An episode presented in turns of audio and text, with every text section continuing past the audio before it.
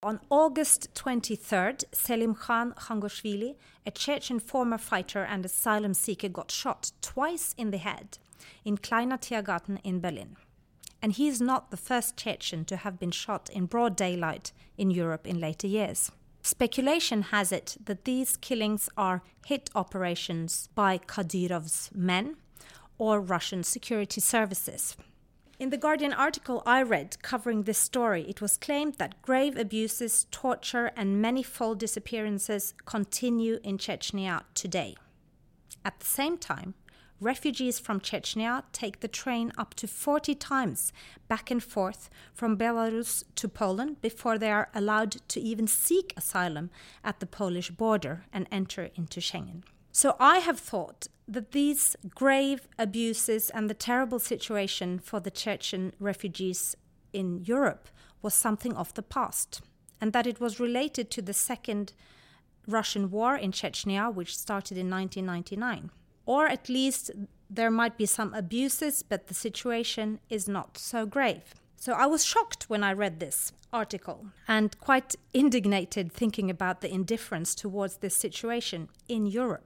Therefore, we're going to use this podcast to get some facts on the table, both related to what the situation looks like in Chechnya today and how Chechen refugees are treated in Europe today. And then we're going to reflect upon what probably is Europe's gravest human rights crisis and how it has become invisible to the public eye. And to do this, uh, we have here Katya Sokirianskaia, who is the head of the Conflict Analysis and Prevention Center, uh, many years human rights activist and worker in uh, the North Caucasus region of, of Russia, and myself, senior research fellow here at the Norwegian Institute of International Affairs. So, Katya, could we just start? Could you describe for us uh, the human rights situation in Chechnya today although uh, we need to acknowledge that it's really difficult and dangerous to get access to Chechnya today, and that uh, numbers are extremely unreliable. Uh, good morning, and thanks for having me, uh, and thanks for doing a podcast on this important topic. Indeed, uh, Chechnya has become, in a way, a forgotten conflict, and we uh, remember about it when something happens, when someone gets shot, or when we hear about um, cleansing operation of gay people in Chechnya, uh, we tend to forget that on a daily basis, uh, this region uh, remains uh, the the area of gravest human rights violations in Europe. This is definitely uh, the most totalitarian enclave on the European continent, and the place which is completely out of framework of law when it comes to respecting human rights and individual freedoms. Uh, unfortunately, the situation in Chechnya has been grave for many, many years in terms of human rights violation violations. The Second Chechen War was officially over 10 years later uh, after it started in 2009 when the so-called counterterrorism operation was officially announced to be completed but nonetheless, uh, insurgency remains, although it had significantly quiet, quieted in the recent years. The methods of fighting this insurgency have remained extremely brutal, with summary executions, torture, falsifications of criminal cases happening routinely, uh, with pe- people being tortured and beaten, terribly abused, uh, nearly next to always when they get to be arrested on uh, certain crimes. Uh, but uh, where human rights violations have spread to different spheres and where the government tries to control and therefore enforce pressure, put pressure on people for their opinions, for their irony on the social media, for uh, the types of clothes they're wearing, for certain types of behavior, uh, for their private affairs at home, for criticism. Any critics can be silenced or subjected to humiliating treatment, sometimes beatings, uh, and are forced to publicly repent, which has become a trend in the Chechen Republic. And would you say a crime such as disappearances, is there a curve in the development? So is the situation more severe today than, say, five years ago? Or in terms of numbers, it's nearly impossible to say. Well, definitely, uh, if you compare today's situation, which with what we've seen in the beginning of the Second War, it it has improved in terms of numbers because human rights organizations documented up to 5,000 disappearances in the in during the Chechen wars, which me, which means several hundred every year. Now it's less. The scale is less, but um, the disappearances continue. Summary executions continue. Most of them go completely underreported because of of the atmosphere of acute fear. The society is totally paralyzed with fear. Um, people uh, are afraid uh, to turn to not only human rights organizations, to official government institutions, to um, investigative committee, to the prosecutor's office when somebody is being taken away or disappears. They're just sitting quietly at home and waiting and praying to God that uh, they will see their dear one again. Or they try to use their informal connections. So they think that if they turn to uh, government institutions or human rights organizations, they this can backfire. They will be subject to reprisals, uh, or other family members will be targeted because Chechnya is is famous, or Chechen security services are famous for applying collective responsibility methods when family members are being targeted f- to put pressure on um, whoever they need to pr- put pressure on. Or uh, they think that these uh, official uh, statements or official actions can um, have negative impact on their relative who is uh, in jail at this particular time. So they think that it's making it public or not even public, but uh, starting any kind of formal procedure will only make their situation much worse, and it's not going to help. So, if we take the broader view, um, one would imagine that with such a great situation in Chechnya, coming to Europe and seeking asylum would be a safe haven. Uh, could you describe for us what the situation is for asylum seekers from Chechnya in Europe today? Uh, the situation today is extremely difficult because um, over, I would say, on average, over ninety percent of applications are being rejected in the first uh, at the first stage.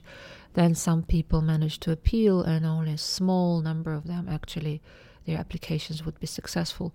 Even though in a great number of cases, the um, there's documented proof of people being subjected to torture or their lives being at high risk.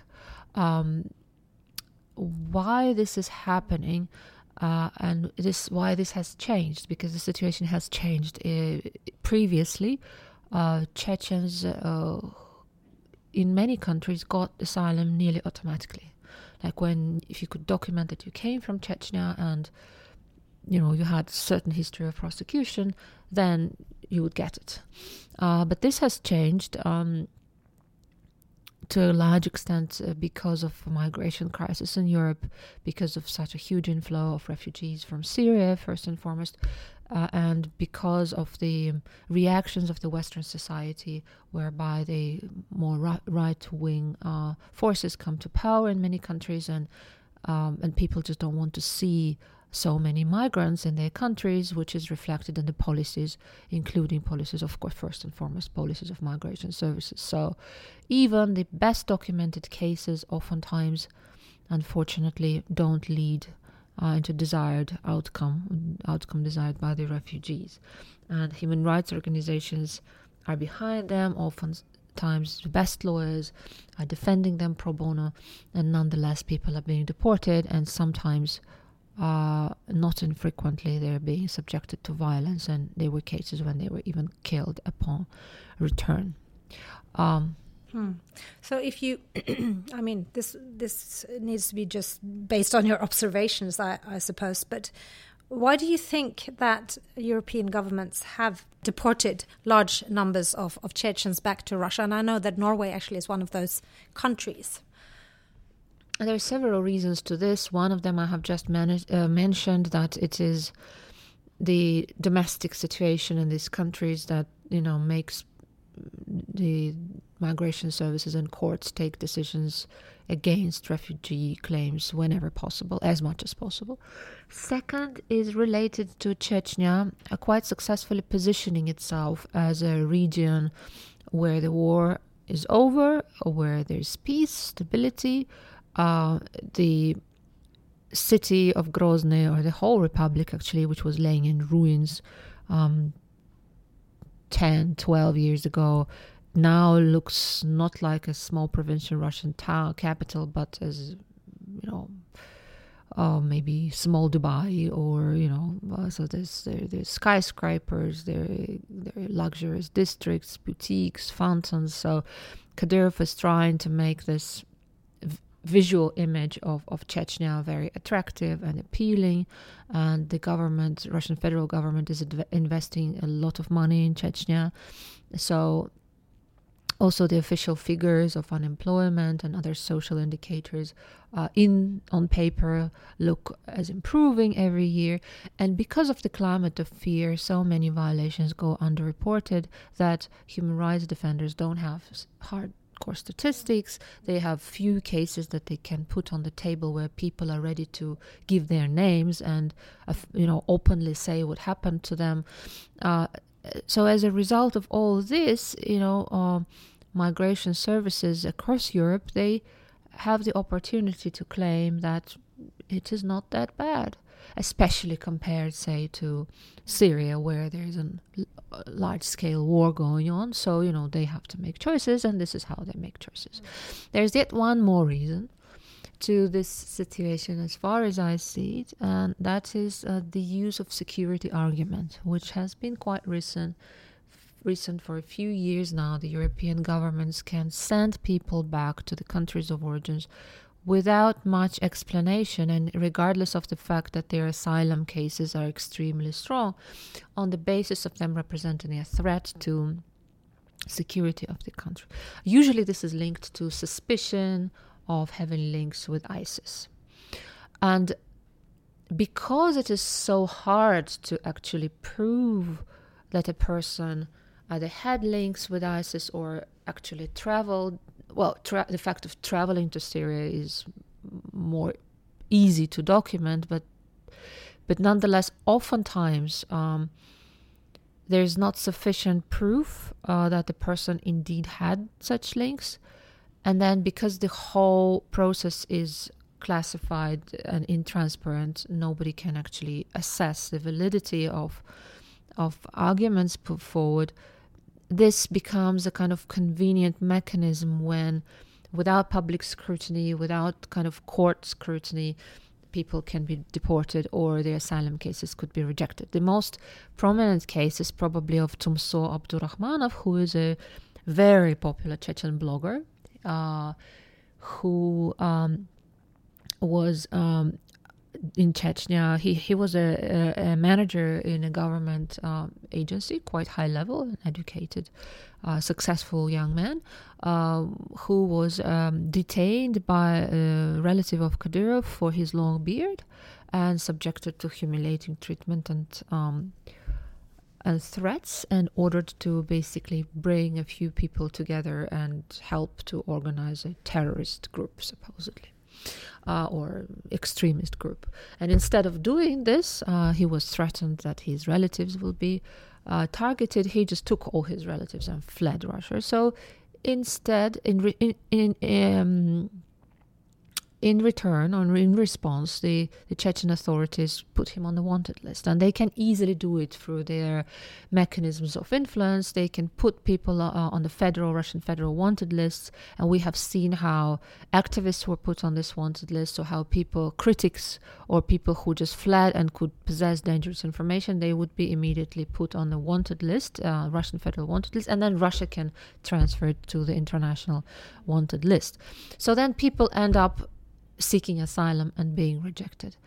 And Poland now, where where uh, Tumso ended up being rejected his uh, asylum claim, although it's so clear that the moment he puts his foot on the Chechen soil, this man would be subjected to unbelievable torture and all possible ways of humiliation. If he survives, it's only because there's too much attention to him, but that but this is not even um, guaranteed at all. So it is such a clear case that this person should be given asylum for his political opinions. Uh, nonetheless, his asylum claims are being rejected because of this security threat that is supposedly there, and nobody knows what actually this threat mm. is. Mm. So, which makes me want to ask the question in such situations, the media, the press, is supposed to be a, a, core mechanism to shed light on such developments, to criticize it, to to get the information out there. Uh, so, in the uh, in Chechnya today, could you say something about the information sphere and the possibility of publicizing and shedding light on such issues in Chechnya? I mean, we uh, we know that uh, freedom of the press is restricted in Russia, but I have the feeling that the situation in Chechnya is qualitatively different from Russia as, as such. Could you just give us a picture of that? There's no freedom of information or expression whatsoever. There's no single most feeble voice of not opposition criticism or alternative thinking left in this republic. Not even in closed whatsapp groups or even in exchanges with the relatives. People are s- there's so much of that's why i'm calling it totalitarian not an authoritarian control uh, enclave because the penetration of the state into even private affairs is so deep that it is quite unprecedented. Uh, uh, there's no independent journalism left that can operate freely on the ground. Uh, human rights organizations have been ousted.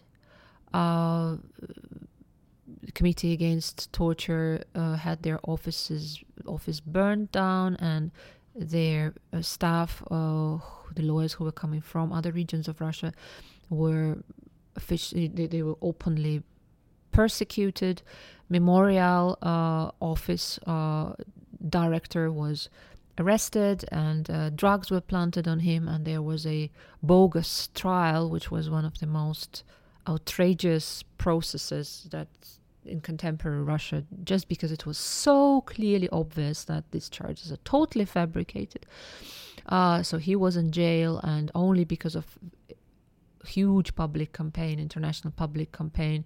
He was accused, but nonetheless, and sentenced, but nonetheless, he was let out of prison pretty early. But the office was had to be closed because other members of the team were also persecuted and harassed openly. Um, Ramzan Kadyrov has personally issued threats, including death threats to journalists, to human rights defenders, most recently last week, when he publicly said on, on television that um, people who uh, criticize and spread gossip, something as he said, on social media and in media should be stopped uh, by any means, by throwing them into jails, by killing them, and that he is ready to take all punishments of the world to do it and to stop it, basically. I quote close to, to, to, to his text. Uh, there is no response to this uh, from the federal authorities. Unfortunately, uh, the spokesman of the Russian president, Mr. Peskov, was challenged with this exactly this quote uh, last week, and uh, he said that the Russian government is not going to investigate this. That they don't see. They just basically completely close their eyes. And these are not just threats, as I mentioned. You know, human rights groups were prosecuted. Um, Natalia Estemirova was killed. Um, Zarema a human rights defender, and her husband Alik uh, Jabrailov were brutally, most brutally killed. Uh, so many other activists had to flee in the recent decades that there are very, very few brave people left. All just a handful of people were uh, brave enough to show up in the courtroom of uh, Oyub Memorial directly just to show solidarity. Having said this, there is still a lot of information coming out of Chechnya people hugely risking their lives are still transferring this information, oftentimes through the Chechen diaspora in Europe, first to their relatives outside, and then their relatives outside who are more free in their actions. They contact journalists, they contact human rights defenders, sometimes directly.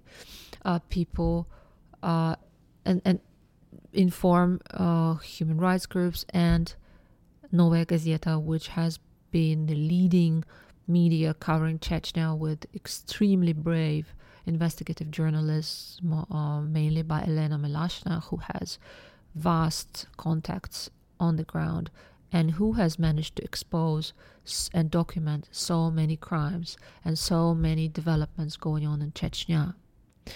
So, uh, we do have information. Mm. We do have documented proof. Mm.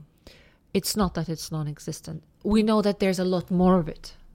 But we still have tendencies, facts, proofs, yeah. testimonies yeah. enough to take action by the federal government and by the international community. Yeah. So Nonetheless, nothing me, happens. No. So that leads me to the next question, which is how come we don't hear about this uh, in the European press, or at least to a very limited extent? Uh, we hear about it.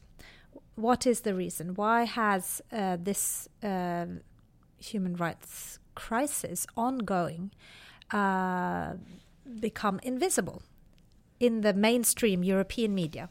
Somehow the European media has lost interest in this conflict. Of, I think first and foremost because of the restricted access. It is very hard to go and do reporting on the ground, ne- next to impossible. And when you do go, uh, people just don't talk to you. You have to get, you know, first-hand witness testimonies, which is possible, but mostly outside the region, and it's hard for the journalists to do this. Uh, I guess this is also related with the crisis of civil society and human rights groups in Russia generally, when uh, federal organizations or Moscow-based organizations are so weakened that you know by, by the foreign agent law, by fines, by arrests, by the necessity to even defend themselves and uh, their restricted operations on the ground that they are not capable as before to do very vigorous advocacy campaigns in Europe when they used to come to organize events to meet with you know activists to meet with uh, politicians with uh, um, migration services and so on.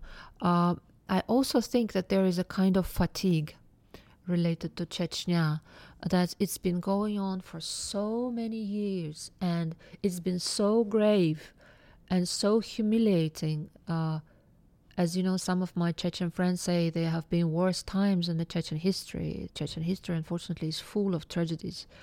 Uh, but there have never been such mean times when people are so, in such a sophisticated way, humiliated, broken, uh, their dignity is broken, their capacity to function, uh, just to be independent. You know, you, you don't really have the opportunity to stay neutral. Just don't. You don't need to maybe show admiration and, and, respect to the current authorities. You can just go on with your life because most of the people are state employed. There's no employment in Chechnya. They have to actively support, actively endorse uh, what's happening and actively express their admiration, which is very harmful for so many people who don't feel, you know, who, who feel abused basically morally by this situation. Um, so. Uh, there is this feeling of helplessness of what we can do you know we can only re- record. But nonetheless even this recording is extremely important because it helps asylum seekers in Europe. And being able to get asylum is is also a mechanism of protection not only of this particular individuals but it makes human rights work possible. Because if people know that they have at least a chance of exit, that they can maybe flee and find a safe space somewhere on this planet, then they are more likely to speak. Then they are more likely to defend themselves, to go to court, to provide testimony to, like um, in the case of Omar Israilov, who 10 years ago was killed in Austria, and his father was uh, kept 311 ye- days as a hostage.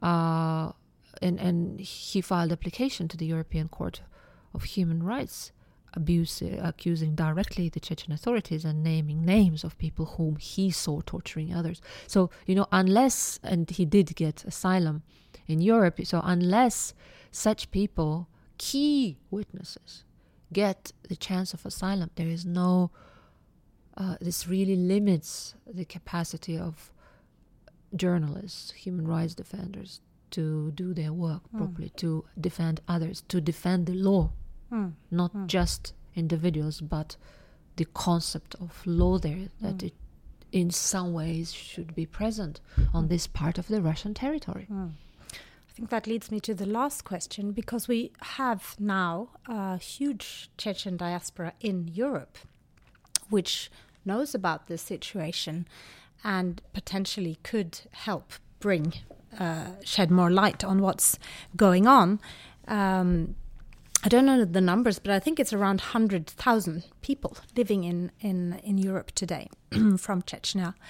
Uh, but they uh, do, do, not have a very strong voice. Uh, could you just tell us why do you think that? I mean, it's it's this feeling of helplessness uh, amongst many of them, probably, and just wanting to move on and create a, a, new life in Europe. But are there other reasons why they do not dare or can uh, speak up on these issues? Uh, Kadyrov, Ramzan Kadyrov, aims to control all Chechens living on this planet. This is his kind of ideal vision of the world. Uh, he thinks that he is the main, the Chechen number one uh, on this earth, and uh, for him, any Chechen outside of control, his control, is potentially dangerous. Uh, and especially, of course, people living in Europe because they have got the opportunities. Many of them have got the education, and they have the you know the capacities already to one day challenge him seriously and politically as well. Um, and they also can access all these international institutions, international media. Therefore, there have been consistent efforts to intimidate the diaspora. And uh, on the one hand, intimidate, on the other hand, to provide kind of carrot to them. Uh, intimidation has been, you know, expressed in same system of threats um, and collective responsibility. Chechens have very big families, and every refugee in Europe has relatives left in Chechnya, sisters, brothers, close, re- close relatives. Uh, so you know, so many people uh, in the diaspora whom I interviewed, uh, p- political figures or public activists who had this experience when they would receive a phone call from Chechnya from relatively high officials saying, if you once again, and we know, you know, where your mother is, where your father is, and, you know, we, you know, they are here next to us. Remember this. And there were cases when people were arrested and subjected to uh, pressure and violence because of what their relatives said outside Chechnya. There have been killings, as we said, in Europe, in Turkey, in Ukraine, uh, quite a few. Uh, there have been cases of beatings, physical violence. Uh, there have been threats on social media to young students in Brussels told me how they commented something in French language about situation in Chechnya and somebody comes and in good French language a Chechen threatens them that one more time you're doing something like this we're going to show this to Ramzan with all due consequences. And then the mother panics and all social accounts are deleted. So, you know, there's overreaction also on the side of the uh, older generation who are who tend to err on the side of caution uh, and not to get anybody in trouble.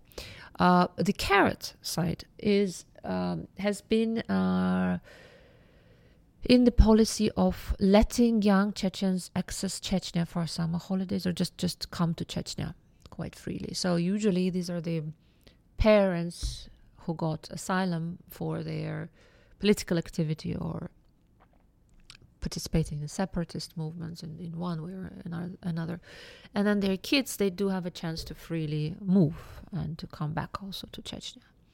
Uh, so they use this opportunity to go for summer holidays to visit their relatives and also to keep the Chechen language alive because Chechens are very conscious of preserving their national identity and they're in Europe they're trying to to keep the language alive to you know preserve the traditions to preserve their what they call mentality their kind of value code uh, and of course, it's hard not to lose the language in, in, in, a different linguistic environment. So parents think that spending a couple of months or a month in Chechnya will help. And um, this opportunity to travel, of course, is also uh, directly dependent on your keeping your mouth closed and also your the parents' mouth closed.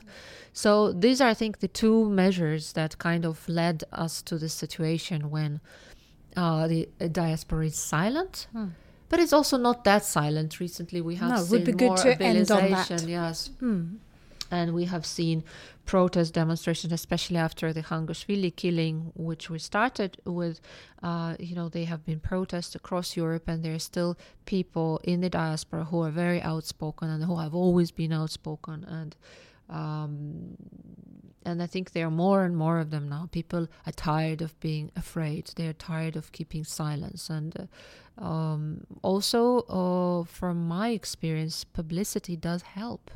There have been cases when people dared to uh, report uh, about, uh, for example, illegal detentions when their dear ones were kept for like weeks incommunicado, or they informally knew where they were in cold cellars without food and being subjected to beatings. And once this has this would become public, they would be released. So there is this this um, Chechen uh, leadership is very sensitive to public um, criticisms. They are reacting very nervously, of course, to this, but they are reacting. They're sensitive. So public campaigns and uh, journalism reporting helps because they they very closely follow everything that's been out in different languages.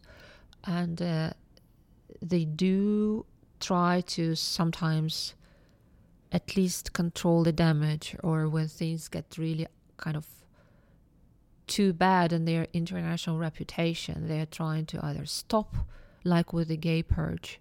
This publicity actually did help to stop this. Not completely. There have been cases, and there's still cases, but not on such a large scale as happened in, in April um, two years ago. So, this is a message for us that uh, we shouldn't, we can't give up on Chechnya. We shouldn't give up on Chechnya. This is part of Europe.